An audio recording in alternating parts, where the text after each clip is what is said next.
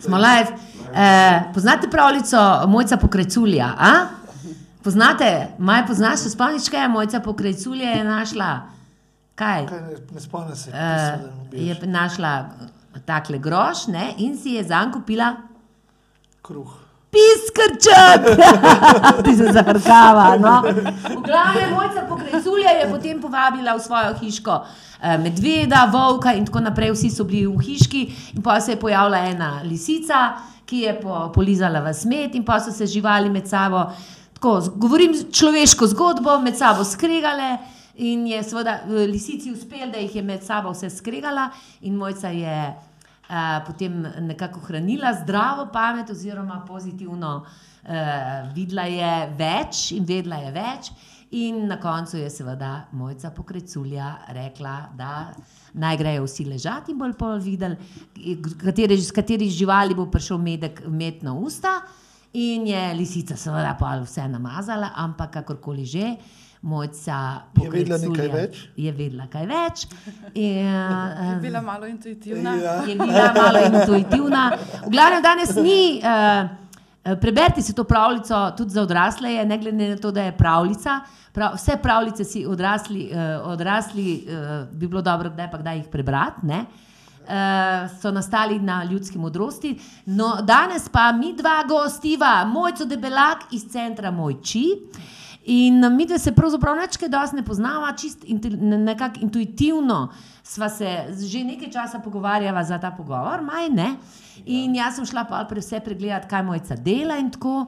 In uh, jaz vam bom kar povedala, jaz bom zdaj, od zdaj naprej zelo, uh, kako bi rekla, se poglovila v delo vseh duhovnih učiteljev, ker se mi zdi, da se tukaj pač uh, lahko zelo hitro nasmoliš. ne.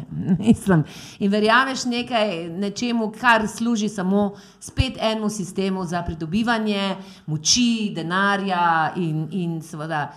Kar uh, na, na nek način do, na dolgi rok ne pomaga. Tako da, mojca, vesela sem, dobrodošla in moj poklon za tvoje delo. Hvala, srca.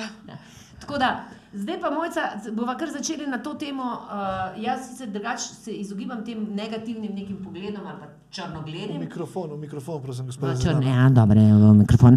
V glavnem tem črnoglednim napovedim, ampak zdaj pač jaz sem trenutno zelo in, uh, intenzivno delam v teatru. In delamo tekste, in sem se spet srečala z enim tekstom, let, ki je napisan leta 35 in opisuje družbo v Ljubljani. In imamo, en, imamo se pravi, eno razširjeno družino, en, en biznis, se pravi, ena gostilna, vsi se med sabo kregajo, uh, trije sinovi, MP-je, ta bo, do, bo, bo vse to podedoval, vse te ženske, ki se borijo za vpliv pri, pri njem, pa le en umetnik, ki nekaj bluzi, ampak tudi on si misli, da je nekaj več, samo denar, laž, pohota, po uh, ljubosumje in tako naprej. In seveda jasno je, da, da me je mal na nek način uh, dobila ogledalo, pa kaj te le govorijo, se to je isto kot danes. To je i- čist isto kot danes. A smo se mi kaj? A lahko jaz samo sekundo prekinem? Ti si mm. to zdaj začela videti, da bom jaz res mogel delati te intertejake. To, so- glej, to je predolgo, meni si čez izgubila. V glavnem, mojce, pozdravljena. Povej, jaz pa ne vem, da, če se pa nisem več pozanimal. Mami mi je povedala, da se na- ukvarjaš z karmično diagnostiko. S čim se vse še kaj ukvarjaš? Ja, um, precej široko polje raziskovanja je zato, ker je človek celostno bitje. Se pravi, karmična diagnostika, um, hipnoterapija, zelo me zanimajo spremenjena stanja zavesti, se pravi, kako vplivati na frekvence v možganih a ne, in na ta način v bistvu spremenjati svojo podzavest. Pač sem tudi ljubiteljica rejkija, če ravno včasih slišim zelo negativno. Ni za revista, veš? Ja, ampak rejki zelo ljubim in je moj sopotnik in je zamenjal vso kemijo, eh, tako da v bistvu vse saniram skozi naravo in rejki. Eh, Potem izredno me zanimajo tudi druge dimenzije obstoja, v to se kar poglabljam, moram reči, in raziskujem, kako dostopa do drugih dimenzij. Izkustveno, ne teoretično. Eh, Potem zelo ljubim eno napravo, nisem preveč za naprave, ampak Schumann Tesla sistem. Um, izredno močna zadeva. Um, mislim, dobrodošla, da pridete kdaj probat, Ja, res. Um, to je v bistvu vrtinči desno sučno, naše zdrave celice so desno sučne, vsak dan nastajajo tudi levo sučne potencijalne rakave in tako naprej. Um, dvigne vibracijo, uh, skalibrirate nekje na 7,8 Hz um, in potem, ko te ugasne, je občutek, da leptiš, da levitiraš, neizmerno prazna glava in od tam se potem hitreje lahko preide v teta možganska valovanja. Ne? In lahko zdravimo človeka tam, kjer pač potrebuje. Včasih na telesni ravni, včasih gremo bolj na psiho apelirati, ker je to itak v medsebojni korelaciji. Tako da um, zraven me pa zanima še ogromno umetnost, ljubiteljica poezije sem najverjetneje. Rada imam- Pišeš tudi kaj? Tudi. Ja. ja. Božanski ljubimec je moj prvenec in nagovarja človeka ne, k temu, kar je bistvo, k ljubezni. Ne. Je pa do tam včasih res dolga pot, kot si ti v vodoma začela, ne? do iskrene, prave, pristne ljubezni.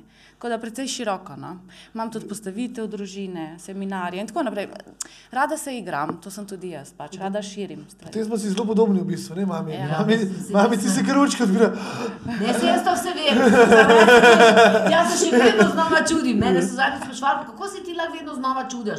Ja, ne vem, zato ker sem tako vesela, ker zdaj jaz, ki to vem, bojo vedeli še drugi. No, to je to. Ja. No, ampak gremo zdaj nazaj. Ti si vse, se pravi, velika mojstrica si. In jaz, ki sem začela, a se je, a se, a se, zakaj se eh, človeštvo cikla non-stop v istih, v istih teh nizkih čustih, teh nizkih vibracijah, imeti, biti več, vzeti, lagati, bl- blefirati. Ja. No, jaz na to gledam sled, tako. ne. Ja. Eh, Če ravno smo individualna bitja, smo potopljeni v kolektivno nezavedno. In bistvena je prevladujoča vibracija. Prevladujoča vibracija človeštva, um, tudi po nekih raziskavah, pravijo, da mi še vedno vibriramo na spodnjih treh čakrah, se pravi preživetje, nagoni, ego. Ne, mi še vedno nismo pristopili na nivo srca v resnici. Recimo, da je najbližje brezpogojni ljubezni materina ljubezen do otroka, pa tudi ne vedno. Zato, ker moramo kot karmična diagnostičarka vključiti eh, besedo, izraz karma, se pravi vzrok in posledica. Mi smo izredno kompleksna bitja in smo lahko s sabo prinesli tudi neke spomine, zato tudi mama, recimo, ko rodi. Ona bi si želela čutiti vse tiste opevajoče se emocije, pa jih veliko krat ne, ker je pomembna zgodba, ki teče med vrsticami, med tistim, kar je vidno, otipljivo, kar naj bi ne čutili. Tako da eh, te zgodbe se mi zdijo zelo kompleksne, vibriramo pa na nivoju ega, zato ker je, če smem tako direktno Ja. reči, prekleto težko Ja. preseči ego. Ego je tako močan primež, to je tako močna vibracija, to je tako svetleče, tako ugaja nam. Um, to je tisto, kar je prividno in je privlačno in je neka svojstvena iluzija. To je opi, to je droga, je ego. Se pravi, da te cenijo, da te hvalijo, da um, imaš veliko ljubic, da imaš moč. Uh, to je ljudem izredno Kaj pa všeč. notranji ego, kaj pa tisto, kar tebe za sebe, kako sebe vidiš? Ja. Recimo, če te ne driva to, da ti mm. drugim ugajajo, ampak da imaš pa neko, neko gorečo željo, da bi vedno več, da bi sam zaradi sebe, da bi sam sebe v boljši luči videl. Ja, eh, to, temu lahko rečemo duhovni ego. Ne? To je tudi zelo velika past sodobnih, lahko rečemo tudi guruje učiteljev. ne. Um, da pravzaprav začutiš, da si več vreden, ker um, si nadgradil samega sebe ali pa prišel do nekih znanj, sposobnosti, uvidov in se začneš počutiti tako, da si mal nad drugimi. Ne? Ampak zanimivo je, da vse pravzaprav, kar ti uh, pršiš iz sebe in projiciraš na svet, se ti vrne v isti obliki. Se pravi, um, Jaz v to res zaupam, da tudi tisti, ki um, gradijo svojo moč na duhovni bazi, ne, kot učitelji, um, nekako doživljajo posledico tega. Ker ego je pa vedno, lepota tega je, da ego je vedno razkrinkan, slej ko prej. Ja. Če neko starimo, obolimo, eh, ko nas ljudje zapustijo, ko propademo, nekaj se nam zgodi, da se naše mikrovesolje pretrese in se predrami, takrat si se primoram pogledati v ogledalo. Ja, ker to meni, namreč to ravno, jaz sem zdaj v teh težkih časih, tudi ko je bil COVID in tako naprej, Nisem mogla verjeti, naprimer, kako tudi nekateri duhovni učitelji prav ščuvajo, se pravi, poglabljali so, a veš, te razno razne, eh, da smo se ljudje delili, eni so se cepili, eni se niso cepili, eni so imeli masko, eni niso imeli maske. Šlo je pa v bistvu samo zato, da je treba z eno zdravo, kmečko pametjo preživeti en res težek čas in v bistvu pozitivno vedeti, da bo en dan konc, ker je itak vsega en dan konc, a ni tako? Ja.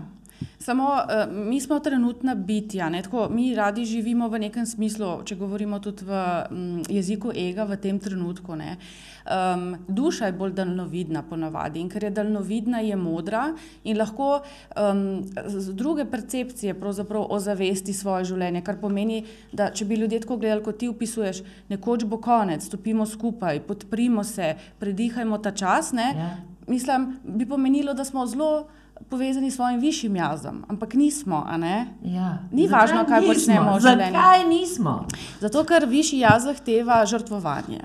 Pokažite mi človeka, ki bo tam zunaj zdaj le dvignil roko in rekel: Pripravljen sem se žrtvovati. Žrtvovanje pomeni odrekanje. Imamo eno tukaj, ne, predstavnico. Ne, to se točno, se točno to smo se pogovarjali ja. dva dni nazaj. Ja. Točno to, to se upravičujem, kar prekinjam. Ja, točno to sem jaz rekel, ker tisti, ki bo, ki bo začel spremenjati svet, pač to pomeni, da žrtvuješ svoje življenje. To pomeni, da si pripravljen žrtvovati vse. Se pravi, od zdaj vsako malenkost, vsako malenkostno zadoščanje, vsako malenkostno uživanje in to. In, ja. in zaradi tega je, to sem se pogovarjal, zakaj je tako težko to narediti. Pravi, da je težko, če moraš cel svet gledati, kako uživajo, kako so hedonistični, to ti moraš biti pa tisti mm. asket. Tudi, velik, tudi veliki sadguru se prepele na skuter, na motorju. Ne, ne ampak on to je. Remzi do njega, veš. Ja, ampak on to jemlje kot, veš, on to jemlje kot igro. Vse to ne pomeni, da trpiš, ti te rad daš. Ti se tudi rad, to ne pomeni, da ti greš. Uh, zdaj mi popravta mene, da ti nimaš zdaj avta, pa, ampak živiš za tem flowom in daješ vse čas. No, jaz mislim, da popotovanje ene zdrave skeze se začne z um, odrekanjem tam, kjer ti je najtežje, ker mi smo odvisniška bitja. Se pravi, mi smo zelo odvisni od vsega, od celo do informacij. Mi ne znamo živeti brez ja, informacij. Ja. Ne? ne vem, če ste opazili, naredili so zelo dober poskus v naravi, ker so gručo izrednih intelektualcev, izrednih iz različnih področji, eh, postavili v naravo in so jim um, dali nalogo, da preživijo. In ti strašni intelektualci so z nekimi lonci lovili ribe in podobno. Ne? Kar pomeni. Um, Ostali so brez čevljev, ker so si jih skorili nad ognjem in tako naprej. Zdi strašni intelektualci. Pomeni, oni so imeli ogromno informacij v umu, ampak te zdrave kmečke pameti, te povezanosti z naravo, um, za, za to kmečko pamet mora biti včasih celo um prečiščen intelektualnega znanja. Ja, da te nekaj klikne kar je zelo logično, zelo, zelo naravno, zelo, zelo izhaja iz teh nedar materije zemlje. Tam je neka inteligenca doma. Do tega se ti ne moreš nakopati, če imaš polno podstrešje strašnih naukov. Ne? Mhm. Tako da eh, jaz mislim, da je tukaj treba razumeti, da odrekati se začnemo pri kavi. Če vidim, da sem odvisnik od kave, jo probujem malo manj spiti, ali pa imam obdobja, ko je ne pijem, ali pa so to lahko cigareti, alkohol, hrana, um, seks. Um, Recimo, eh, če, če mi zelo ugaja, ker, ker mi ploskajo, da se učim malo notranje, se stopiti iz tega občutka, da se počutim vrednega, ker mi ploskajo. In ta notranja drža, odnos do vsega, kar me obdaja, se mora spremeniti. Potem jaz lahko sicer BMW-ja vozim, ampak če meni čisto vse, če mi ga bodo jutri vzeli, pomeni, da sem zdrava v odnosu do imetja. Sicer pač ne. Fule bo si to povedala zdaj. Zelo lepo. Ja, ja, ja, ja, to, sem, to sem tudi bral zadnjič, ne ima to tvoj veliki Joe Dispenza, kdo piše. Um, da tudi spremembe se začnejo, ko začneš delati stvari drugače, kot bi jih počel sicer. Tako. In to sem jaz ravno začel delati, tega, ker tako, tudi ko se ti začnejo nove povezave delati v možganjih, mm -hmm. se pravi, možgani se naučijo učiti, takrat, ko ti delaš neke zavestno spremembo. Ne. Mm -hmm. In to so te, še jaz, ki se z mamo pogovarjam. Uh, in z vsemi temi ljudmi, ki pridejo sem, meni veliko zmanjka, se pogovarjamo o nekem občem znanju. Ni pa tako, se pravi, kako bi začel recimo spremenjati. Ja, moraš iskati višji jaz. Kaj to pomeni višji jaz? Prvo, kako ga iščeš? A je to ja. meditacija? A je to, ne vem, moš mi povedati, sploh, kaj je karmična diagnostika, ker jaz tega ne vem. A, a veš, a, ja. Ampak to, to, recimo, to se zdaj super pojavlja. Se pravi, malenkosti, če, če recimo kavo, ne, ne, s tem začneš v bistvu tudi žrtvovati sebe in, in zraven se še učiš in, in dvigaš zavestne. Ja. Recimo, če sta rekista, veste, da je Mikaus med drugim en, eden izmed postulatov tega načina življenja, je ne laži. Ne? Zdaj se pa vsi trije potestiramo, koliko časa bomo zdržali, da ne, da ne delamo malih belih laži v dnevu. Ne? Ja, ja. ne? Da, da, da, da te pokliče prijatelj in ti reče, pišu na kavo in ti, tvoja iskrena država je ne, ne bi šel. Ampak rečeš, veš, ne morem. Ali pa se sploh ne javiš. Ali pa se sploh ne javiš. Kolikor se izmikamo, da ne bi bili resnični. Ne? In tako naprej. In tukaj se ta zgodba začne, ki si pokazal to, kar ti pač piše. Um, piše mi ne laži. Ja, ne laži. Ne, laži. Um, Zahtevno je, ne? to zahteva celega človeka, vse čas moraš biti tudi zavesten, buden, moraš sam sebe prepoznavati v odnosu, v interakcijah kako jaz čustvujem, kako mislim, kako se zdaj odzivam, s čim se hranim zdaj v odnosu. In potem to prvič razkrinkati, potem pa raz, razelektriti, neutralizirati. Ne? Mm. To so znali recimo hermetisti, ne? so raziskovali, kako yeah. Ja. to dualnost, ta dualni svet nekako neutralizirati in znati stvari bolj objektivno opazovati z distance, ne navezano. In takrat se ti začneš zdraviti in začneš spontano pronicati v neka višja vedenja, ki so naš mm. višji jaz. A je, a mogoče je zdaj, zdaj ko te poslušam, je to, uh, jaz sem že kot otrok neskončno rada brala uh, dela ali pa brala, občudovala ljudi, ki so videli naprej. -huh. zelo daleč, uh -huh. ker so naprimer, začutili nek čas že vnaprej in so že zdaj tlele, ko kar uh, govorili o tem, kako bi bilo dobro, kaj bi in tako naprej, vedno. In sem se vedno od takrat naprej nekako uh, podzavestno poskušam vedno izstopiti iz situacije in videti, naprimer, zdaj ta trenutek celo družbo, cel svet, ne samo mene, ki danes nimam, ki tega danes nisem dobila, kar, bi, kar mi pripada in tako naprej. -huh. Ampak uh, uh, zakaj, nimamo, zakaj je to tako težko narediti, zakaj je tako težko ven izstopiti v mal, da bi mal stopil. Se veš, kar mišna diagnostika ima tisto hišo, ne pravi Marjan, ja, govoril, ja, ja. da je to kar ponoviti, ja. uh, ker v kleti, no ti uh mhm. -huh. povej, da nam jasne, v kleti se nič ne vidi. Se ne? nič ne vidi, ja. ja. Više, ko greš po nadstropjih, več eh, boljši razgled imaš, torej več vidiš in se tu začneš drugače odzivati, drugače čustvovati. Ker v tisti temni kleti, kjer si zaprto, je temna noč duše, ne? tam vsi trpimo, tam smo majhni, tam smo prestrašeni, tam smo v krču. Ko je človek v krču, težko odpre srce, se že drža pokaže ponavadi pri ljudeh, da so sključeni, malo bolj tako sedijo. Tukaj nimamo prostora za to, da energija kroži. Mislim, to je vse med sabo povezano, psihosomatsko. Ja. To imam jaz, meni, meni, ja? skozi držim se. Tako da odpiraj srce, ne, probi se večkrat poravnavati, zavestno glavo gor, da se pljuča sprostijo, ne, da se alveole lahko nekako delajo tako, kot pač je namenjeno. To je vse povezano. Pač, nažalost smo zelo hendikepirani, ne, zdaj v 21. stoletju se mi zdi. Ja, kar pomeni, da smo neke vrste čustveni invalidi, Aha. pa tudi fizični invalidi, ne se cele dneve sedimo in tako naprej. Um, to, to je celostna zgodba in Marjan Ogorevc, pač tudi kot moj učitelj, mi je bil v navdih v smislu, da je on zelo preprosto učil. Mm. On, njega so zanimala bolj ta življenjska, preprosta načela. Um, jaz temu rečem, da je bil tako zelo prizemljen. Mm. In to mi je pri njemu všeč, ker če hočeš imeti um, dostop do visokih svečeniških znanj, da tako rečemo, moraš biti tudi zelo prizemljen, če hočeš umestiti tukaj in zdaj. Ne? Samo govoriti o tem je premalo in zato smo tam, kjer smo. Jaz mislim, da nas večina o tem samo govori in predava.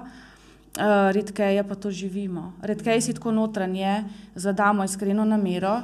Um, želim biti, um, ne bom rekla boljši človek, ampak želim, želim rast in se razrasti v ljubezen. Želim odkriti, kaj je onkraj moje celo človeške uh, narave, onkraj živali, ki prebiva v meni, ne nagonska. Ne? Um, kako odpreti srce in ljubiti sebe in druge po najboljših močeh. No, to je kar dolga pot v resnici. Ja, jaz, na primer, sem zadnjič dobila en zelo lep komentar, ki se je na koncu mal prevrnil. A jaz sem pozorna tudi na to. A veš, v tem smislu, mi mislimo isto, uh mhm. -huh. mi smo zdaj, ker vid, mislimo in vidimo več, mi smo več uh, kot drugi, uni ne vejo, in tako naprej. Meni, jaz tukaj takoj začutim ego in takoj odreagiram, ne morem. Jaz, se, jaz mislim, da je tudi to, že spet smo pri več. Ja, mislim, jaz bi vsem dodala, da recimo v Evropi, ne vem, če veste, je še vedno vsak peti otrok žrtev spolnega nasilja v tem času. V Sloveniji vsak tretji, ne? Ja. Mislim, ja. Um, tako, se, ko slišiš tudi to statistiko, žalostno se vprašaš, kje smo kot človeštvo, kaj se nam dogaja, kje smo res iztirili, da um, nismo odprti za. Um, človeško bolečino, v smislu, da sploh več ne ločujemo, kaj je prav in narobe, pa ne bi rada sodila, -huh. ampak ta eh, polarnost nam omogoča, da se notranje orientiramo na luč. Ker če se mi notranje pozabimo orientirati na luč, ne bomo razlikovali, kaj, kaj je tema. Ne, ne, ne. Do neke mere je razlikovanje dualnost koristno v smislu, da vemo, kam želimo vršiti svoj razvoj in evolucijo.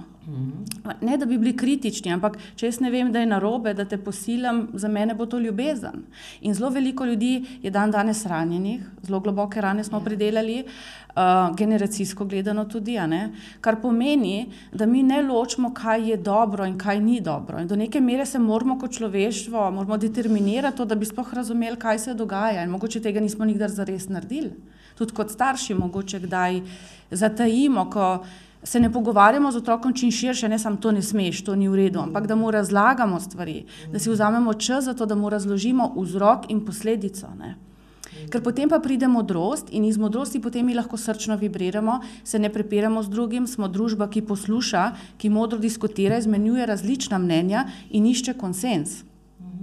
Mi tega nismo sposobni narediti, ker v najglobjem smislu niti sami sebe ne slišimo. Kako bomo sobitje slišali, njegovo bolečino, če jaz ne slišim svoje bolečine?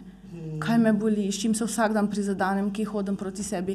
Kako naj potem stegnem roko in rečem, čutim te, če ne čutim niti sebe, ker delam cel dan, ker sem utrujena, ker sem neprespana, ker so hormoni v čistem disbalansu.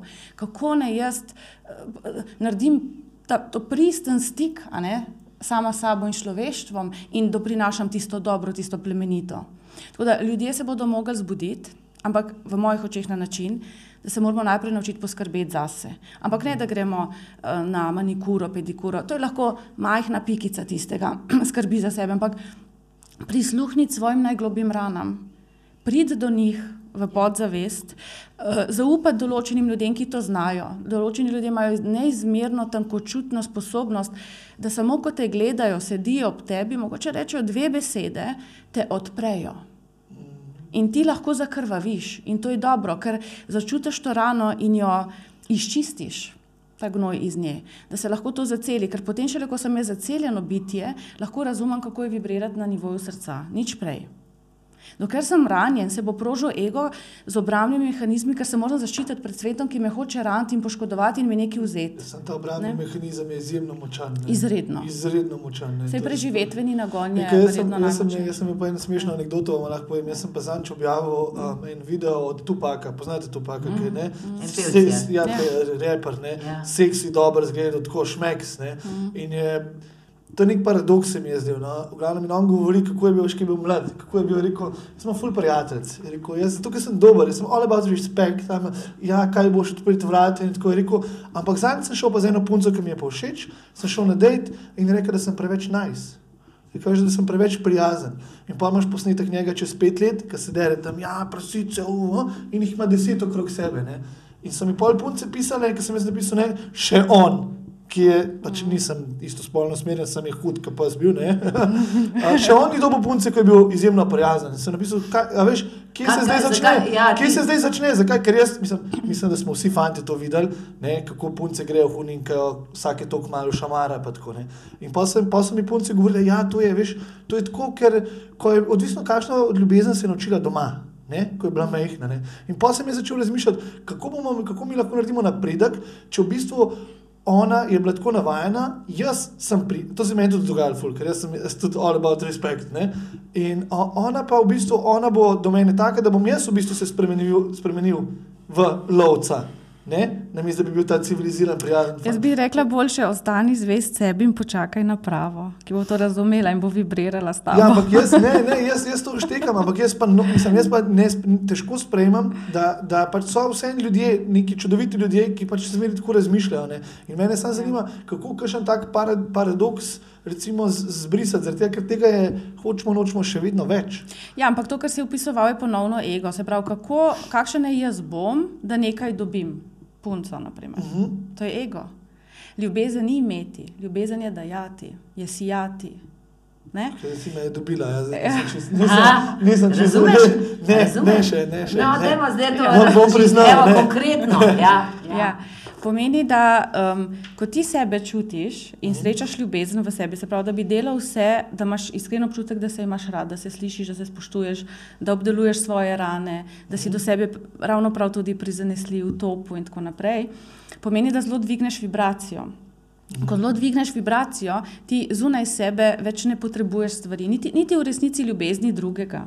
Ker žariš, ker živiš, ker postaneš ustvarjalen, ker imaš zamisli, ker sediš pri reki in si izpopolnjen, zadovoljen si, lepo ti je. In takrat začnejo prihajati k tebi stvari, ki pa so prave za tebe.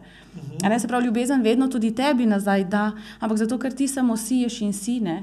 In več kot si ti sposoben dati, recimo, da je bil tu pek ful prijazen za to, da bi imel punco, pomeni, da je iz, njegovo izhodišče bilo iz ega. a ne. A on je bil, Recimo- on je bil prijazen do vseh, nasplošno. Ja, ne. ne, če, a bi lahko bil prijazen zato, da bi ga ljudje imeli radi. Veliko smo prijazni zato, da bi spet nekaj dobili, odobravanje, da smo všečni. Ampak- A Ne, zdaj pa, Okay. oprosti. Ne, ja. Kaj ne boš mogel, razumel boš, pa, bo, Ja, boš pa ja. vprašal. Ja. Ja. Zelo pomembno je pri sebi premotriti, iz katerega izhodišča izhajam, iz katere namere. Zakaj sem jaz prijazen? Ker sem res tako bitje, ker je to spontano prišlo čez mene in znam to ozaveščeno predihati v sebi, ali je to še en naučen mehanizem, preko katerega dobim odobravanje. Mi bi ubijali za odobravanje. Mi kot otroci, mi dva oba, sva čakala, ko sva gledala svojo mamico, da naj jo bo odobravala. Ja, ko si pride, no si pospravo. Mi hočemo in mi, naši možgani, zelo hitro motrijo, kaj moram jaz narediti, da sem cenjen. Naprimer, pri tem pomaga lepota, pri tem pomaga prijaznost in tako naprej. Ne? Ljudje me sprejmejo lažje. Oh, torej bom igral na to uh, karto in začnem trgovati s temi To ni vrlinami. zavestno, veš, to se Ja. ja. spode dogaja, ti, ni- ti Ja. veš, ne, ne, za- da to delaš. Ja, ne, to, je- to si na avtopilotu si nekaj časa, dokler se mogoče ne zbudiš in poglabljati začneš vase in se opazovati. Wow, v bistvu sem jaz prijazen zato, da bi dobil nazaj prijaznost. Ker me je strah, da ne bom dobil tega, ker česar sem se stradan globoko v sebi. Ne? Ampak kaj pa, če recimo ni, recimo, meni se ne zdi, da je prijaznost, vsa splošna prijaznost in, in razumevanje neko merilo, po katerem te ljudje uh, spoštujejo in imajo bolj radi. Mislim, da si zaradi tega bolj prej odprt in pripravljen na to, da te la- lahko ljudje prizadanejo. Ker pač res nimaš nobene, nobenega zidu med srcem in, in v bistvu tem, kar delaš. Ne? Ja, A veš, ja. meni se pravi, da je tako, Ja, ampak ja. meni se mogoče ne zdi toliko ljubezen, meni se zdi neko osnovno čustvo pripadnosti, Ja. pripadnosti družbi. Ne? Samo, najprej moraš pripadati sebi. Zdaj pa večina ljudi ne pripada sebi. Kaj pomeni pripadati sebi? Pomeni spoznati samega sebe. Čemu jaz pripadam, ko Zato delam biti to? pa parkrat tiho doma v temi, sedeti in gledati, tako. način brez knjige, brez ja, telefona. Imeti kakšen post, uh, od tega in onega, uh, odrekati se stvarem, spet smo tam, žrtvovati se, reči ne zunanjemu hrupu.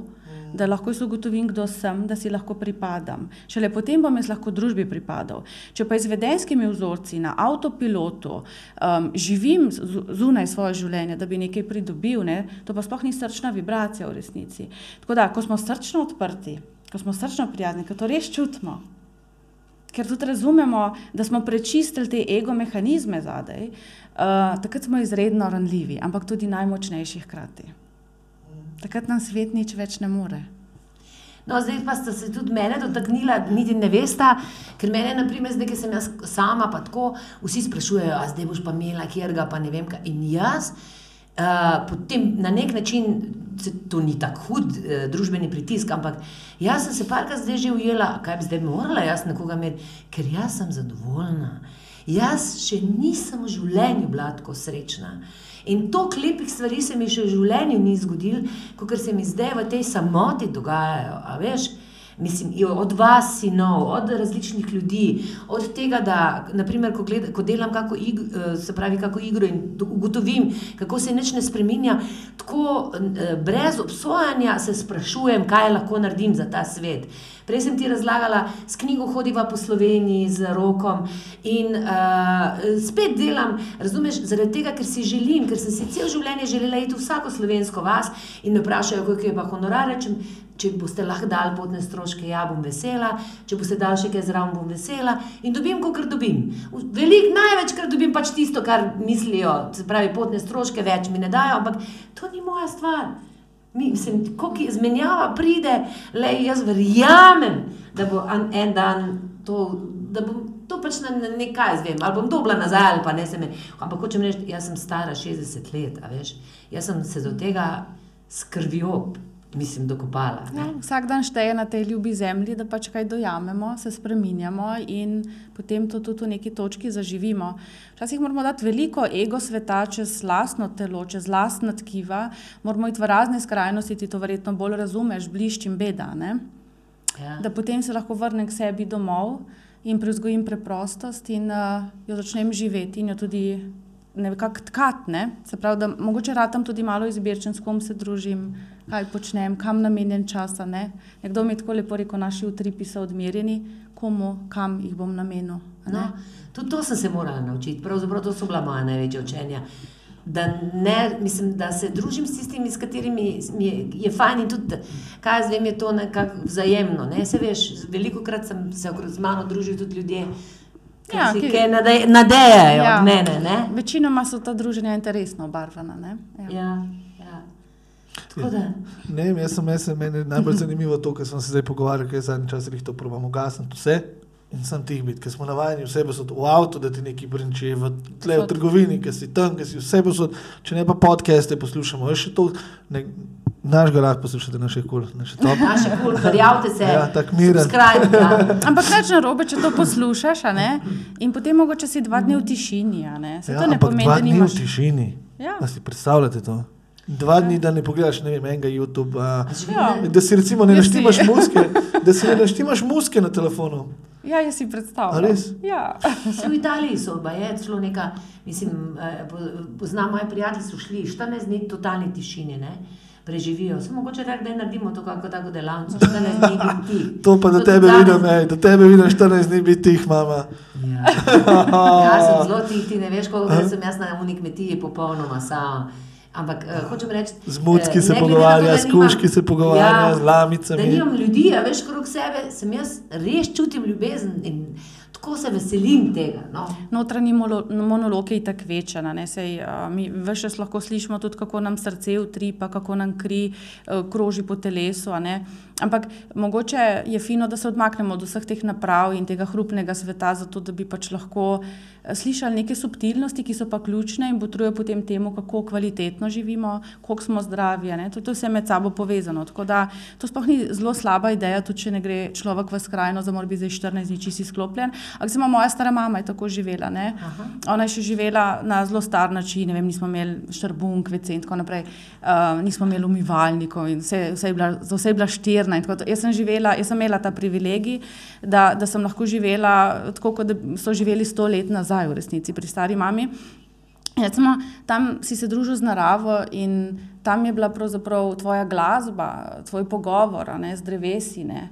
In to, to je ostalo v meni in vidim, da mi daje moč včasih v najtemnejših trenutkih, da se uprimem, da je to ta Bog v meni, je ta tišina, je ta. ta posluh za veter, za, za vodo, za, za elemente, ki bivajo v meni, da tudi moram sebe slišati. To, to prav čutim veliko, da, da me to izredno napaja, da sem to lahko doživela, da sem živela v svetu brez vsega, brez materije, zelo skromno. Um, Mi smo vikende tako preživljali, pa nam je bilo ja. mukotrpno. Mukotrpno, ja. ja. ja, ja nasilni, ja. Ko se spomniš, smo morali tam gost hoditi na vece, mi pa mestni fanti, mi tam le ja, iz breg deset doma. Ja. ja, ampak se vsi vračate, vsi počasi ja, zdaj, zdaj, zdaj je stranišče, pa banja, pa to, pa ne vem, sauna, pa tako ne. Ampak takrat ni bilo pa nič, ne. Ja. Ja, nismo pripravljeni. Ego, ja, nismo, nismo pripravljeni. Ne, sem mi manjka, ful, zdaj sem se pogovarjal en dan ja. z mamo, ne, kako je bilo, ko sem bil jaz majhen, ko imam zdaj staro hčerko deset let. Ne. Ko sem bil star deset let, smo šli za vikend gor, -huh. jaz sem se zjutraj vstal pred vsemi, da mi noben ni mogel kakšne naloge dati, sekire nože, psa, pa v gost pa sem prišel nazaj z mrakom, ni to, da je bil tema je bila za pitami, ker samo še tema je bila bolj grozna, česar koli. In mi zdaj prav manjka to, zdaj odkar sem to se spomnil, mi prav manjka to, ker to so bili pa celi dnevi, ker ni bilo nobenega, ja. niti blizu. Se zato pa recimo ljudje tudi hodijo tako mimo grede, ne, tudi, jaz sem to ugotovila, ljudje hodijo v Indijo za to, ne. Ja. Eh, v bistvu, ne hodimo zaradi gurujev, ampak greš ja iskati preproščino, da si samo v eni obleki, uh, da se ne rabiš vsak dan tuširati in frizirati in obremenjen biti z vsem zunanjim. Ampak se tam lahko prepušča še eni preproščini. a ne, in To, to je, Indija ti to ponudi, ker je prvinsko divja še. a ne. A si bila že v Indiji? Ja, ja. Kaj pa si počela? Dej povej, dej povej, kaj zanima. Kaj Ja. si- Pravzaprav sem malo potovala, moj namen je bil sedeti v ašramu, ampak videti, čutiti utrip ljudi. Najbolj so me zanimale tiste, ne vem, res uličice, ki, so, ki ne bi bile prepovedane za zahodnjaka ali pa odsvetovane, da tja stopi. Um, Hampi, zelo lepo mesto, no, tam sem se, ma- mislim, vasica pravzaprav. Tam sem bila malo bolj tako ponotranjena. ne. Ampak eh, drugače me, mene zanima utrip teh ljudi, kako oni delujejo, kako čustvujejo, a živijo to, kar mm, prinašajo na zahod. A oni to res živijo, ali je to samo marketinška poteza? No, pa bi rekla, da je bolj slednje. Da je bolj marketinška poteza. Da. A Se pravi, med, med preprostimi ljudmi, nedotakljivimi in podobnimi. Ja, tam, tam je preveč trdo življenje, prekruto um, in je zato tudi mogoče precej dogmatično. ne. Um, so pa lahko določeni ljudje, bi rekla, neko filozofijo prodali dobro na zahod. Ampak v resnici tudi tam vidimo veliko vsega, predvsem nižje vibracijskega. Tam je življenje zelo kruto. Veš kaj, sem danes zjutraj sem dobila, eh, tako sem razmišljala, da sem videla mamo, ki je na plin, naprimer, kavo kuhala in tako. In jaz sem se večkrat zdaj, ko so, ko so napovedovali to krizo, ne, tudi brez plina, brez, da bomo bolj namrzli in tako naprej. In sem si predstavljala sebe, naprimer, nimamo zdaj, kakšna stiska bi bila, ne bi bilo plina, na kaj bi, ne bi bilo tega, ne bi bilo tega, zebel bi nas in tako naprej. Kako bi mi to zdržali? Pa smo mi vse to sposobni zdržati. Samo odvisen ja, bi to gledali kot totalno. Veš, na kaj se jaz velikokrat spomnim, Ali pa eno priložnost, da gremo malo za ne par mesecev, tako kot so naši starši, mislim, naši detki pa babice A živeli. veš, na kaj se jaz veliko spomnim, to, ko to, razmišljam, ko zebe nas, moramo biti oblečeni. Pomislimo, da večino človeštva človek ni imel dovolj, da bi bilo mu toplo. Se pravi, večino ga je zebel ali pa malo manj zebel. Pa pomislim na vse, zdaj je bila obletnica recimo uh, osvoboditve um, um, teh taborišč, no? Auschwitz, Birkenau, Ja, ne? Je bilo, recimo, ko pomisliš, oni so preživeli leta v cunji na mrazu, brez hrane. Se pravi, ne? Mi, pa, mi, mi smo pa zdaj navajeni, da pač nam je, ne greš ven, če ti ni zunaj toplo. Ja, mi pa zdaj iščemo, sam, kdo je zdaj kriv, pa ne vem, kaj še vse se Tople. Mislim, mi smo izredno mogočna bitja, samo v coni obdobja um, postanemo zelo krhki. ne. Se Pravi, če mi hočemo preživeti neke skrajne okoliščine, moramo najprej uriti svoj mental, to, to je avtogeni trening notranje moči in stabilnosti, da me zunani svet ne zruši, ker je hladno, mrzlo, ker so mi vzeli dekco, toplo, ki me je grela. Ne. Moram biti jaz notranje izredno stabilen, da me to psihološko ne uniči, ker ko se začne uh, psihološki razkroj, se potem začne ponovadi tudi fizičen, se pravi, telo temu sledi, ne. Začnem bolehati, ne morem več, obupam, grem v recimo lahko tudi vlogo žrtve ne, in tako naprej. Eh, ti, si, ti si rekel, da tudi s hipnoterapijo se ukvarjaš. Ta je mene, na primer, tudi odpeljala na eno zelo zanimivo izkušnjo. Uh -huh. um, če jo smem, sam na hitro, vse mislim, da sem. Lahko sem malo bolj v mikrofonu. Še, se ne sliši? Bolj naprej. Okay, ena zelo zanimiva izkušnja. V glavnem, jaz sem, uh, bom svojo uh, izkušnjo povedala, pa boš ti povedala, kako si jo to raz- razlagaš. V glavnem, jaz sem vedela, približno, mislim, jaz sem čist se zavedala.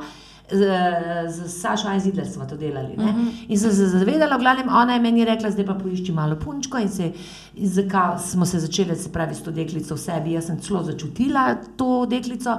In je rekla, no zdaj pa je reči, lahko si varna deklica, uh, se zvezdana odrasla za te skrbi. Ne? In jaz slišim samo sebe reči, uh -huh. ne, ne, ne, to pa jaz zvezdani ne bom zaupala. Glej, koliko krat je zvezdana rekla, da bo naredila to, pa to, pa to, pa nič ni, ne, ne, ne bom jaz nič. Ne? In je ona pa meni rekla, pa, uh, da je pogledi tudi, kaj je se zvezdana dobrega naredila. A bi hotela biti ti, če bi, bila, če bi tako z njo prijateljica. In sem rekla, ja, Ja, če pa bi tako, pa bi bila rada, pa bi, bi se dobro počutila, počutila ob njej. V glavnem, prvič se mi je zdelo, da sem preko tega srečala sebe tako v celoti in se sprejela. Ne? Ker to je tudi res. Jaz bi hotela biti sam s tako le žensko, kot sem jaz, prijateljica. Ne? Mislim, čeprav me še zdaj, a veš, tako malo pikne, da ni to nečimerna ali kaj takega. A to je to, ali kaj?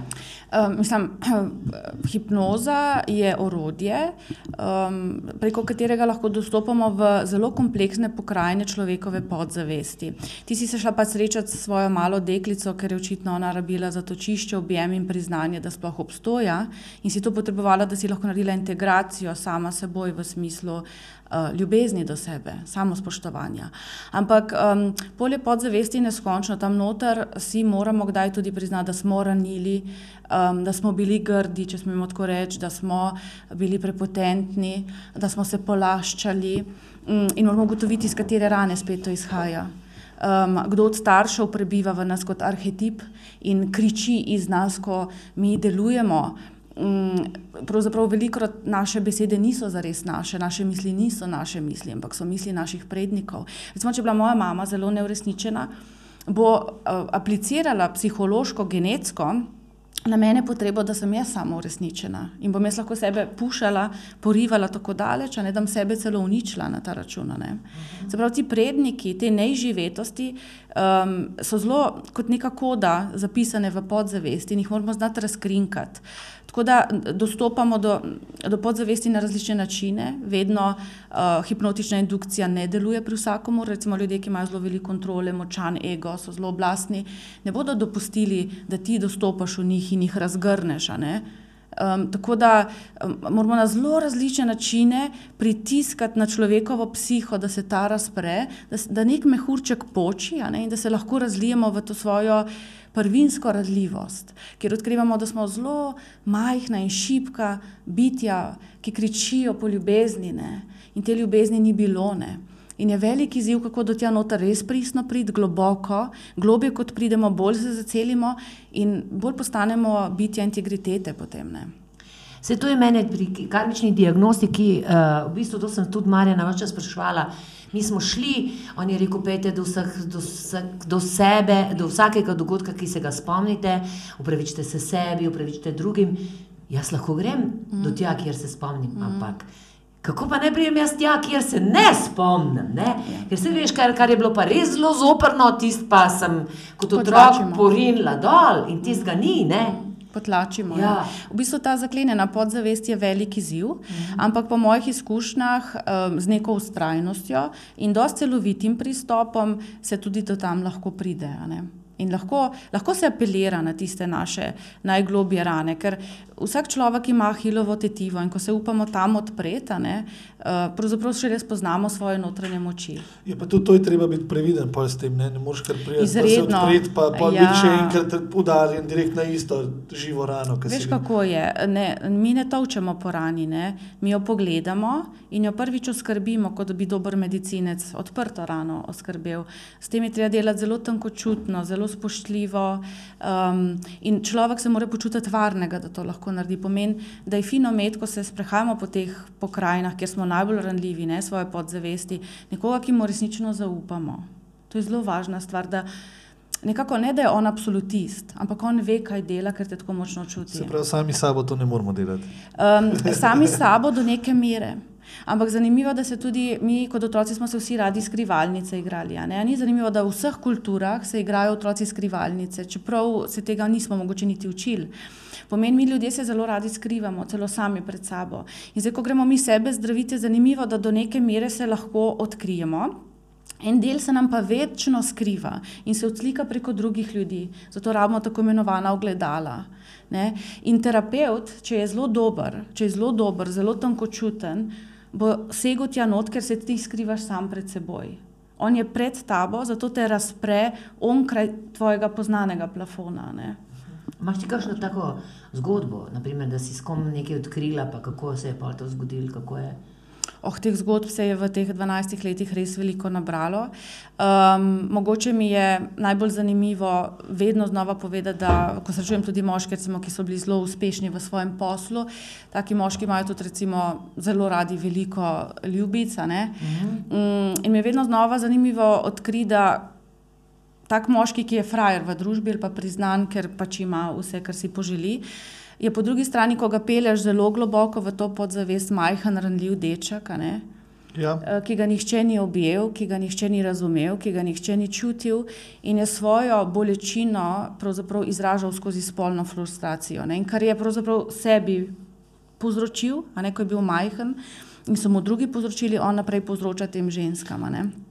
No, Jih pa- hrani. Ja, pa sorry, Ja. ki prekinem Ja. spet, ampak pri moških, veš, mi se fulkrat pogovarjamo, tudi mi dva se velikrat, oziroma teh krogih se pogovarjamo o ženskah, ampak ful malo se pogovarjamo z res o moških. Ne? Mi smo Mm. se delakorda smo se pogovarjali, pa ne, mogoče s sotirovim smo se, ampak veš, pol je pa tak fant, recimo se ziga, res ti povem, da tisti, ki so najhujši, Mm. so zagotovo tudi svoje srce prišli, dali na, na tako rekoč na rokav, ne, oziroma nosel. Mm. Ne. In take res moški, ki so res taki orang ženskari, so ponovadi moški, ki so bili zlomljeni, zlomljeni ne enkrat, samkrat. Joj, Ampak ja. vsakič, ko je dobil tisti trenutek šibkosti Mm. in se probo odpreti, ga je, je dobil spet isto nazaj. In Mm. to, te, to, to so res ponovadi zagrenjeni moški, ki v bistvu ne bojo zelo, te, ki so se bolj kot ne, po mojem mnenju, že, že, že odločili, da to je to, da se sploh več ne spuščajo. Veš, in tle se No, mi zdi k tebi, moška, moška, ta toksična moškost, se mi zdi, da izvira iz tega. Iz tega, da so fanti bili tako zlomljeni, ne? ko vse en, vi ženske ste pač vse močne, vi ste bo- bojevnice, vedno se borite, saj po mojem z- mnenju prej ali slej pride trenutek, ko ženska pač reče dovolj. Ne? Pri moškemu pa preprosto ni, ne? mi smo na gonski, probaš dvakrat, trikrat, četrtič ne boš več probo. Ne?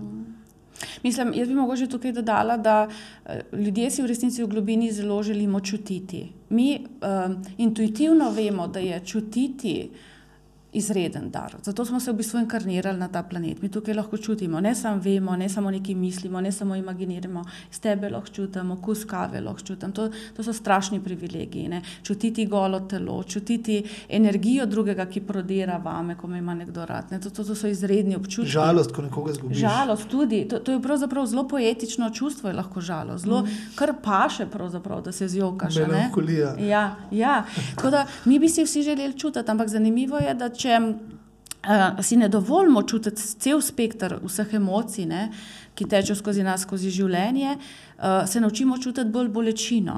In podzavestno iščemo načine, kako bi kreirali bolečino, ker je to edino, kar čutimo, ker odreagiramo in se počutimo živi. In si potem v teh toksičnih odnosih prizadajamo ogromno bolečine, ker je to edino, kar znamo čutiti, to dramo. Ne?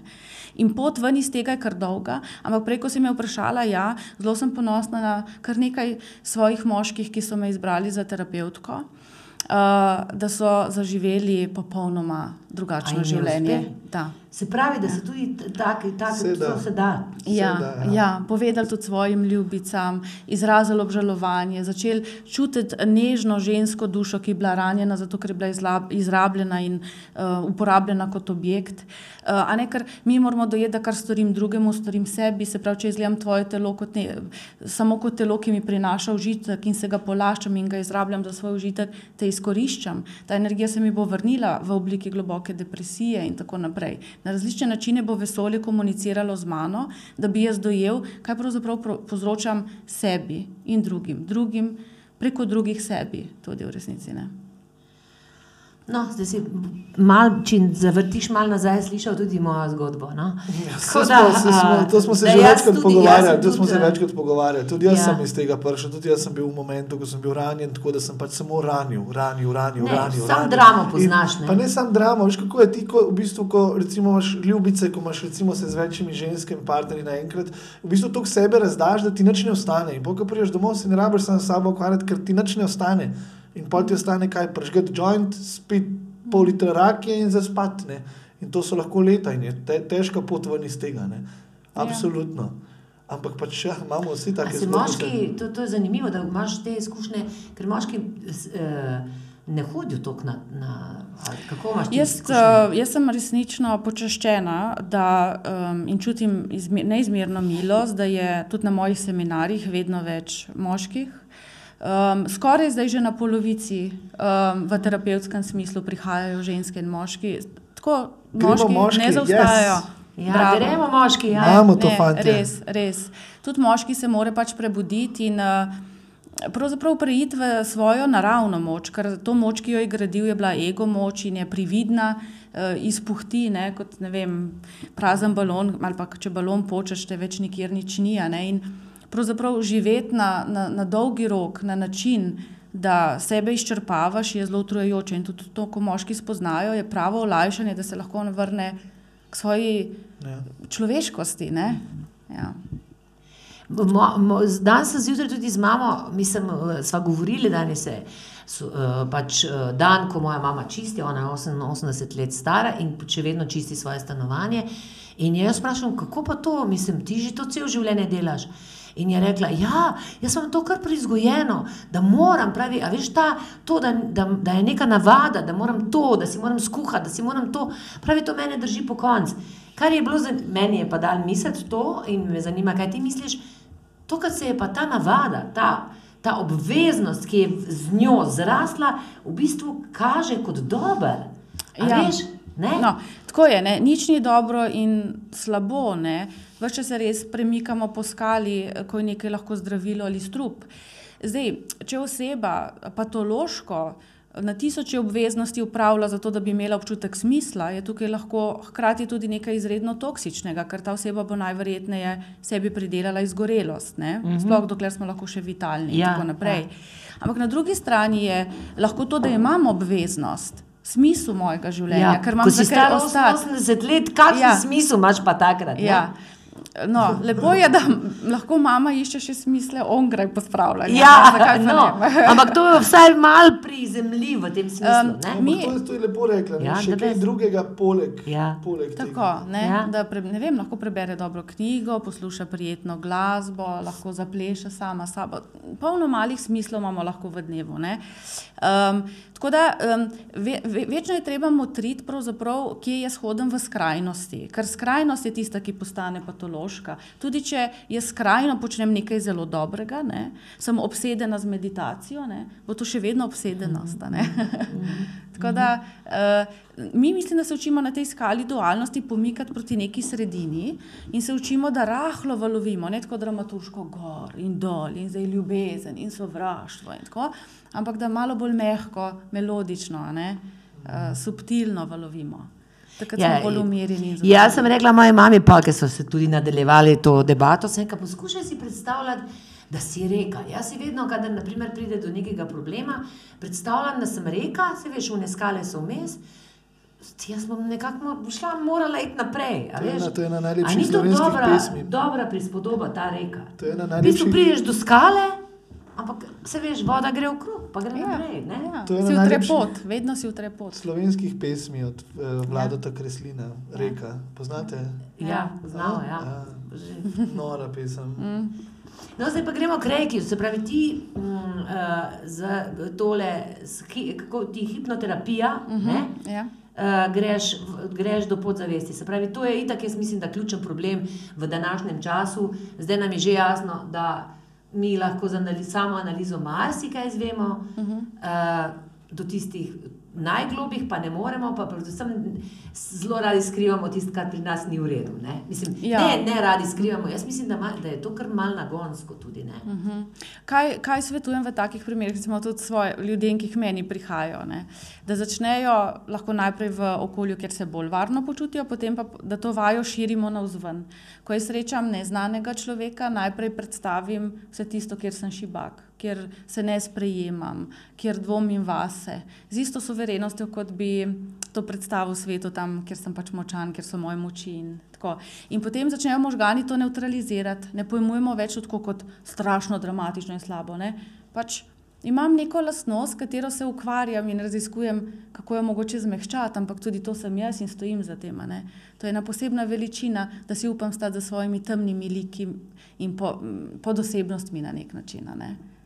Ko ugotovim, da to ni nič slabega, samo če se zavedam, kaj želim z njimi narediti, da jim ne dovolim, da se razrastejo ne, in postanejo to male pošasti, ki obvladujejo moje življenje.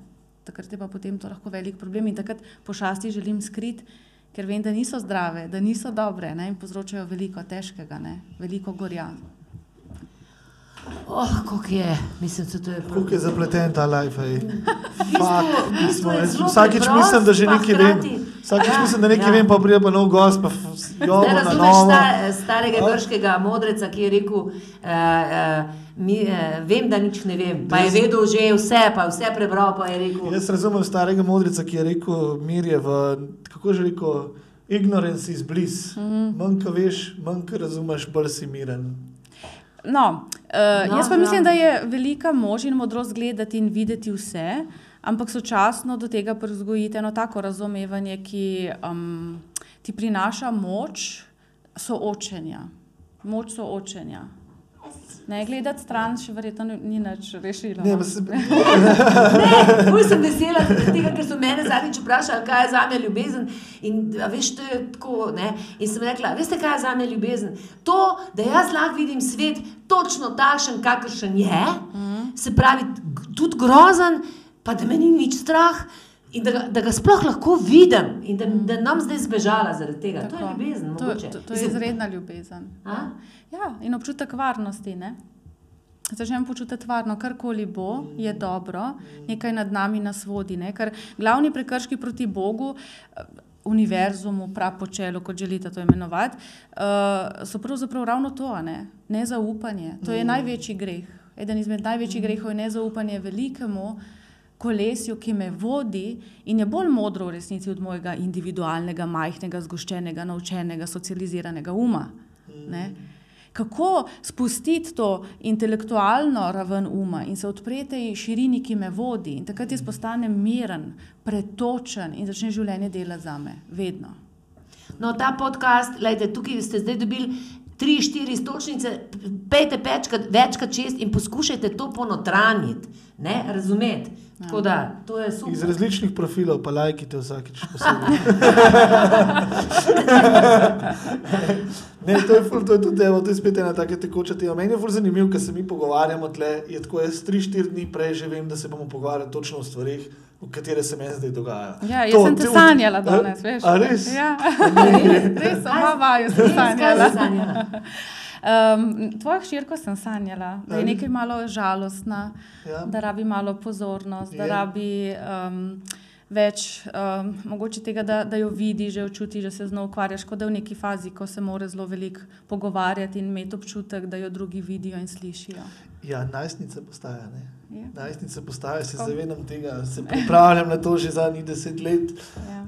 Ampak ja, ne, jaz pa to, kar sem rekel, meni je pa, meni je pa mm, to mir, tišina, da ugasneš vse, še s fulji nekaj ustvarjam. Jaz dolgo časa sem bil neambiciozen, zdaj pa ustvarjam stvari. imam, Oh, milijon stvari naenkrat v glavi in vse bi rad naredil in tisti in tisti in tisti. Zdaj zadnjih par dni sem čisto odklopil, sem rekel, ko končam tle, ko stopim čez vrata, ni nič, telefon v kot. In, Tako. in točno, tudi, uh, se pravi, točno to, vse, kar smo govorili, res neverjetno, kako, kako ta svet deluje. Zdaj ti lahko misliš, mojca, on je bil otrok, 17-18, ki je bil tako neambiciozen, tako uh -huh. nič, da v resnici ni v življenju zanimalo. Jaz sem, ja, Je, jaz sem rekel, kako boš pa živel v vodo, pa, pa že kako.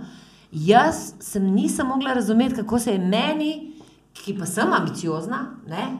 jaz mislim, da nisem bolna ambiciozna, ampak me je vedno gnal, tak otrok rodil, zdaj pa ga danes čez 10-12 let slišiš to govoriti. ne. Ja, ni ampak zanimivo? eh, kakšna logika je? Ne? V bistvu Ja. ja. vesolje in tudi naši odnosi so matematika. Če je mama zelo zaskrbljena v smislu preživetja in je zelo odgovorna oseba, mogoče pretirano odgovorna, ne? Um, če je zelo mar, da bo štalca in kravca in bo vse dobro, se ji rodi vsaj en otrok, če jih ima več, ki bo naredil in ji pokazal protivtež uh, njenega značaja. Ne? In eh, otrok včasih ne razume v globini, zakaj ne čuti smisla, zakaj je apatičen, zakaj ne ve, kaj bi sam sabo. V resnici je prišel kot učitelj v to družino, da se mogoče na eni strani vseeno nekaj strasti in strahovi pomirijo. Vse je dobro v življenju, tudi če kdaj ne vemo, kam in kot in kaj bi sami sabo, vse je dobro. Ne? In takrat se mama začne spreminjati, in bolj ko si se verjetno ti spreminjala in nekaj ozaveščala, mogoče celo spuščala to kontrolo nad njim, bolj je on mogoče začel počasi prihajati v eno vedenje, mogoče pa zdaj neki bi, ne? pa je kaj poskušal, pa tako naprej. To je matematika vesolja, ko Ja, to ker jaz takrat dojamemo. nisem vedel, zakaj. Nisem Ni, razumel, nisem Ja, razumel. nisem... čez tebe so šle velike sile, ki so delovale zdravilno. Ja, zdaj, ko pogledam nazaj, tudi mi nim, nimam Ja. ja. pojma, kaj mi je šlo takrat po glavi. Ne. Ja. No, druga stvar, ki sem pa prej rekel, da se mi dogaja, je pa ta vera, ta zaupanje v neki više, da bo vse prav. Za brez veze stres, meni name ful stres vpliva, recimo. Ful. Jaz nisem drugač bolan, jaz sem zdrav, se pravi, jem dobro in tako, ampak sem bil v zadnjem letu šestkrat bolan. Zaradi stresa. In to Ja. se zdaj zato spet zanimivo, da smo prišli na to temo spuščanje in zaupanje. Pismo, a veš, da sem prišel blizu tega, da bi rekel, ah, vse mogoče pa je Bog, bom pa Bogu zaupal. Ja. Ja, tukaj Pa imamo pa vedno mi dva. Tukaj pa mogoče nisi ti nič razmišljal, pa to si dala tudi dobro istočnico, ker imamo malo izkušenj z rejki, mi dva imamo oba dva narejeno drugo stopnjo. Ne? In jaz sem v bistvu šele preko rejkija, lahko- zdaj mi pa ti boš še povedala, kako ti ga gledaš, pa tako, je meni vedno bolj jasno, da rejki je fenomenalen. Ker ti vse te, to, ti v bistvu skrbiš za pred, pre, z rekijem pre, za pretočnost telesa in da je v bistvu pretočnost garancija na nek način za zdravje. No, mislim, jaz bi še nekaj rada povedala. Jaz rejki doživljam še globje, še intenzivneje. Recimo, ko se je začela ta COVID scena, jaz sem zbolela za COVID-om, takoj med prvimi. Um, in to je bila mogoče, če bi gledala simptomatsko, najhujša oblika fizične bolečine, ki sem jo do zdaj prešla, razen poroda. Mogoče. Res zelo hudo je bilo, nekje 15 dni. Um, so me vse noge in roke bolele, kaš, me, občutek je bil, da se bom zadušila. in tako naprej. To- Res je bilo uh, zelo hudo. In jaz nisem vzela, recimo, niti enega leka, farmakološkega, ampak sem se zdravila izključno z rejkem. Zdaj, če se vrnem nazaj v izhodišče, jaz sem bila potestirana v praksi ali zaupam v to veliko prapočelo, da ima moja inteligenca, sploh ko se priklopi onkraj s temi tipalkami, to moč, da se bo telo samo pozdravilo. Ne? Se lahko popijem zeliščni čaj iz vrta in to, ampak a boš ti ostala zvesta temu, kar verjameš. Ne na nož, ne, ne meni robe razumeti, ne, ne da bi hotela iti v skrajnost, Ja. ampak čutila sem, da moje telo meni sporoča, kje je tvoja vera. Reiki je tudi vera, ne? v nekaj večjega, kar me zdravi, če dam telesu čas, če umirjeno počivam, um, če znam prisluhniti, kaj telo potrebuje. Mogoče potrebuje magnezij, ne pa farmakološki izdelek. Um, in to se mi zdi izredna moč in vrlina, da, da tudi rejki dojamemo, da moraš potovati onkraj strahu skozi njega. Ne? Ne si samo polagati roke in vzpostavljati pretok, ampak da, si, da razumeš, da si tudi potestiran, če boš verjel, da te narava zdravi sama. To je, to Jaz, je sem, moč. jaz pa rekel tudi, da jaz sem pa to, kar smo prej rekli, tudi predniki, to jaz pa ne meni je naravno prišlo. Nama je dragica rekla, veš, preden začneš delati reki, rečeš vsi moji, vsi angeli, ki me bdite in to. In jaz vsakič, to, jaz to zjutraj delam, recimo, ne pred meditacijo. Uh, mi je kar v glavo prišlo, da si predstavljam, in se, jaz rečem vsem prednikom mojim, vse težave, ki so imeli, vse, da, lahko, da, pač, da stojijo za mano in da mi pomagajo vse te probleme prečistiti. Jaz se pravi tudi ne samo fizično in trenutno, ampak probujem tudi ta stanje iti nazaj. Pravi, Ja. Ker razumem, da so jaz pač jaz. Jaz verjamem v to, da v energijo verjamem. Verjamem, da je s tabo skozi neka energija, del tistega, ki si ga poznal in tako. In se pravi, si vsako jutro tudi to predstavljam. Če pejte skozi mene, pa pejte tam, kjer ste mi pustili, mogoče kakšno rano, pa da ne, ne jaz pač popravimo skupaj. Ne. Mm, Ja, da se zaceli, ne? ker Ja. rejki v bistvu je ljubezen, če ste se učili, a ne razumete, da Ja. rejki Mikao vsuje hotel prenesti v svet sporočilo eh, ljubezni in eh, prevzemanja odgovornosti za svoje življenje. Zato je tudi on nehal delati vmes, ko je že zdravil ljudi, ugotovil, da se vračajo vedno eni in isti ljudje, ker ne prevzamejo odgovornosti za svoje življenje. In zato se je odločil, da gre raje Roma, ta naj ne potem znanja naprej Hajašiju predal, ker ga je bil resnično vreden. Resnično vreden je vedel, ta človek bo to živel in tudi naredil potem prvo kliniko, ne, ki je resnično zdravila samo z rejkem. Zato moraš biti zelo močan, ko si v precepih, recimo to, če telo oboli, zboli, če bi čisto fizično gledali, da, da ti ostaneš zvest občutku, ki ti govori noter, kaj napraviti. Lahko ti reče včasih po tej poti, včasih po tej, ne sodimo, ampak ostati zvest temu občutku in veliko krat ljubezen testira nas, če zmoremo iti po težji poti, ker tam se skriva rast. Ne? Vedno. Meni je, jaz Ja. neskončno uživam s tabo, zaradi tega, ker ko je bil, začel, se, se, se je začel ta COVID in ko se je začel to cepiti, pa ne cepiti, se nekaj se ne morem, zakaj bi se jaz zdaj v tem času s tem toliko ukvarjala. Jaz verjamem, da meni ne bo nič hudega in mi tudi ni bilo. In zato nisem šla v te debate ne z enimi, ne z drugimi, ker sem vedela nekaj, ne še. Da velika večina ljudi, kljub vsemu, ne bo zmogla sama sebe tako dobro zmotivirati, ne? mm. ker je bilo tako zelo strahu. Ne? Torej, reči nekomu, ne se iti cepiti ali se iti cepiti, to so ljudje od mene pričakovali. Mislim, in kdo sem pa jaz, da bom jaz to, to moral Ja, vsak sam. tako. Ne? Mi Mislim- več čas iščemo nekoga, ki nam bo kaj povedal in bo rekel, tako bo, in pa bo, to- ampak smo mi to varni. ampak Ja. To je prav, se tudi sprosimo, Ja, se ja. to tudi ti delaš, se to delamo tudi z zdravilci, se to tudi mi dva delava. Se to ti na konc koncu, kaj, kaj, če boš ti šel nekoga reki zdraviti, pa ti človek ne bo zaupal, se ne bo nič.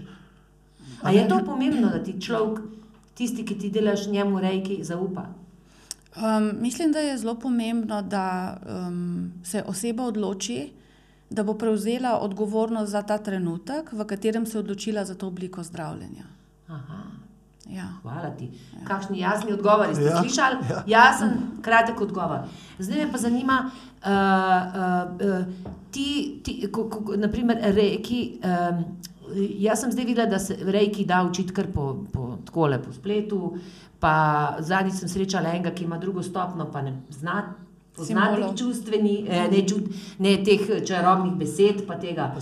Kaj se zdaj tudi že tle s tem rejkijem dogaja? No? Ja, zdaj, um, pravi učitelj Reikija imamo občutek, da je zelo živ, zelo živ in um, da predaja. me- Meni se zdi zelo važno, da znanja, ki so tako tankočutna, predajamo v živo.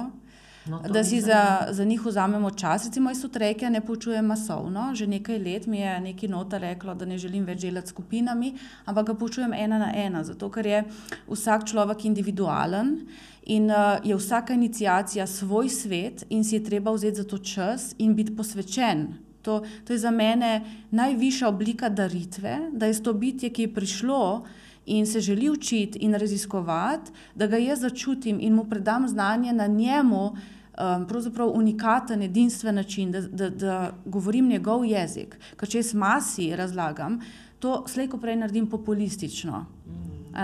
Tako da um, prava izvorna znanja iskati pač pri ljudeh, ki, ki to zelo čutijo, ki to zelo čutijo in dihajo s tem in živijo to. Se mi zdi ključnega pomena. Ste slišali? Evo, ste Da slišali, se zna, lahko tudi lažje odločite, komu se greste učiti in kaj je tudi pomembno, da premislite prej. Ne? Tako da, Ja, pa- hvala ti za to. Uh, tudi učiti se je dobro, tudi če ne mislite neki biti zdravilci ali pa karkoli. Učiti se je dobro, zato ker to lahko sam sebi delaš in sam sabo delaš. in Ni to, jaz sem jaz tudi nisem šel tega delati, zato da bi mm. nekaj obogatil s tem in tudi mm. na koncu v bistvu je bil sam še izjemen dokaz. In mi bomo morali zaključiti ja, zdajle. ja, sam To- še, sam to- še to- To je vedno zgodba, sam to je vedno Teslo, zgodba, ja, pri nama se stane. Jaz ja. sem tisti tečen, ki pravi konec mami. pa Ne, ne, Ja, ti si moški, ne? Ti si Ja. ja. moški, moški zameji. ne, Mislim, da, a veš, da, mislim, pa, da mi dva sem imela, mislim, imela sem seveda tudi ene zelo, zelo popačene trenutke odnosa, ampak mi dva sem imela pa vedno uh, dokaj dobro razdeljen odnos. Ti si bil za me otrok, tako kot da bi ga, si ga napisala. Ne, kaj bil tudi- kot tudi- otrok. To pa to, pa to bi, kot bi ga samo postrežnje dobila vse moje želje. Ne? Pa sva dobila en velik, tako ene 4-5 letno, tako le golido čez, Deset. pa se je pa začel, ali pa 10, no Ja. se jaz več ne gledam. Ampak sem imela vedno dober ta odnos. Mislim, kar se tiče energije, moški, ženska, mislim, da sem tudi, ko smo nastopili skupaj, se znala zelo profesionalno stopiti. Ne? Ona je bila zaznana, jaz sem bil majhen in sem imela vedno dosti zdrav ta, ta se mi zdi, moško-ženski odnos. a ne? No, zdaj me pa sam še to, Seveda, ker me izvolite. zanima ta Tesla. Ja. Kako smo do njega prišla, ker jaz sem tudi njegova velika občudovalka. Ja. Je No, nedvomno so živeli pred nami ljudje, ki so veliko vedeli um, in so bili predvsem srčni, recimo tudi Tesla, ne, sej vsi vemo, pač elektrika za vse ljudi brezplačno. Um, ti veliki modrici se mi zdi, da nagovarjajo tisto plemenito v nas, ne to luč.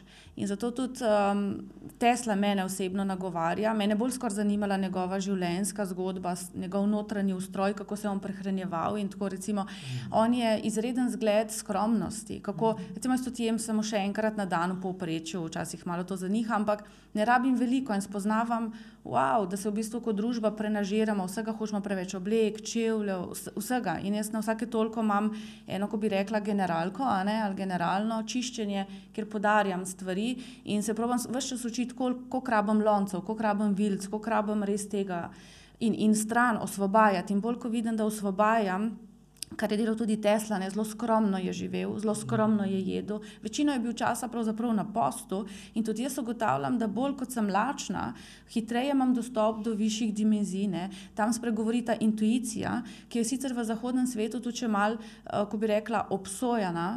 Vendar, ko mi prečistimo določena telesa in vidimo resnico čez iluzijo, um, postanemo izredno intuitivna bitja in lahko vidimo vse v tvojem življenju, če hočeš. Mi postanemo prozorni ekrani in ga lahko nekoga skeniraš, popolnoma prebereš njegovo življenje. Jaz se s tem ukvarjam, mislim, da mi zato ljudje zaupajo, čeprav veliko sem si želela, da to ni možno. Ampak moja naloga ni polagati drugim besede v usta v smislu. Da izgovorim, kdo ti si in te definiram, ampak da samo preberem tvojo zgodbo življenja, da sem tvoj in, interpret tam, ker ti sebe ne vidiš in se nisi ozavestil, je pa to lahko ključno za to, da uh, se spremenjaš, uh, da dojameš, zakaj si tukaj, da dojameš, um, kaj moraš spremeniti, da bi pravzaprav prišel v stik s svojo veličino in potencijali, ker velikrat, ko smo v teh krčih, ne moramo leteti prosto kot ptica, se moramo osvoboditi vseh spon prednikov, ne, dogem, naučenega. Ne. In zato intuicija je božji dar, resnično veliko darilo je, govori, ne govorimo o vedeževanju. Govorimo o tem, da smo mi biopolje, da smo mi zapis informacij, ki vibrirajo in te, te vibracije nam krojijo usodo, so naša bodočnost. Če zelo vibriram v jezi, bom veliko pritegnila ego ljudi, na katere sem lahko jezila, ne? da bi spoznala, uf, kako sem jaz jezna v sebi. Ne? In rabim včasih veliko dozo nečesa, da spregledam, da so ti ljudje božji dar, da so moje ogledalo. Ampak ker ljudje to ne zmorejo, se včasih poslužijo tudi ljudi, ki so intuitivni, med drugim tudi mene. Ampak jaz vidim tukaj eno pozitivno stvar. Uh, z vsem spoštovanjem do vseh vej, ampak recimo psihoterapija včasih desetletja raba, da se sam dokopaš do enega spoznanja. Pri meni ljudje teh deset let stlačijo v dve ure, kjer gremo čez vse ključne informacije, kjer človek sebe ozavesti in ve, na čem mora delati. In to je dobra odskočna deska. Ker jaz to dovolim, ena redkih sem dovoljen, da me ljudje snemajo, ker stojim za tem, kar povem in me ni strah. Stojim za tem, kar sem izpričala, ker vem, kdaj, ko ta sila čez mene deluje podobno kot po mojem tudi čez Teslo delovala, si preprosto vedeš. In eh, biti vedež ni nič veličastnega. Mi vsi smo vedeži, samo pozabili smo ja, na to znanje. Ja, ja. In, in um, zato se pač ljudje, ki so izgubljeni, vračajo k takim, ki se mogoče učimo malo bolj sebe poslušati. Ampak eh, bistven nauk pa je, da bi zaživeli to, kar je tudi Tesla govoril. Uh, ljubezen je darovanje, no on je želel, recimo, če bi samo o elektriki govorila, ne? dobro za cel svet, to je bila njegova modrost. Jaz bi res rada rekla to, to, to, kar si ti zdaj govorila, tako se počutim, da bi malo domov prišla. Uh, to, a veš, da mi vemo, ali pa da, veš tisto, ko se ti kar nekaj zgodi, da veš, ali pa da, da, da, da nekaj novega odkriješ, a veš, ta, te ustvarjalni trenutki, ne? Pa ja, jaz, na primer, nisem vse to, kar ti si, ampak jaz vem, da to obstaja, ker se je meni toliko krat zgodil. A veš tudi, jaz vem, da uh, tisti Jezusov nauk, veš, verjemite in videli boste. Ta, meni, ta je meni odporil vse, ker jaz najprej verjamem, ko mi začnemo nekaj delati, nek projekt ali pa kaj, jaz kar vem. In jaz se nekaj sprašujem, pa več, a je to bo ali ne bo in tako naprej. In jaz vem, da to vsi mi zmoremo. Ne? Vsi imamo to v sebi, ampak nujno, nujno prečistiti balast, nujno um, najti ma, malo moči, zaupanja in vere, da se lahko podam na pot raziskovanja podzavesti, da me ni strah samega sebe. Karkoli bom že tam odkril, to bo postala moja moč ko se bom sposoben bil s tem soočiti. In takrat se potem začne pa lahko popotovanju v ta intuitivni svet, ki ga ti opisuješ, ko preprosto nekaj vemo, nekaj čutimo.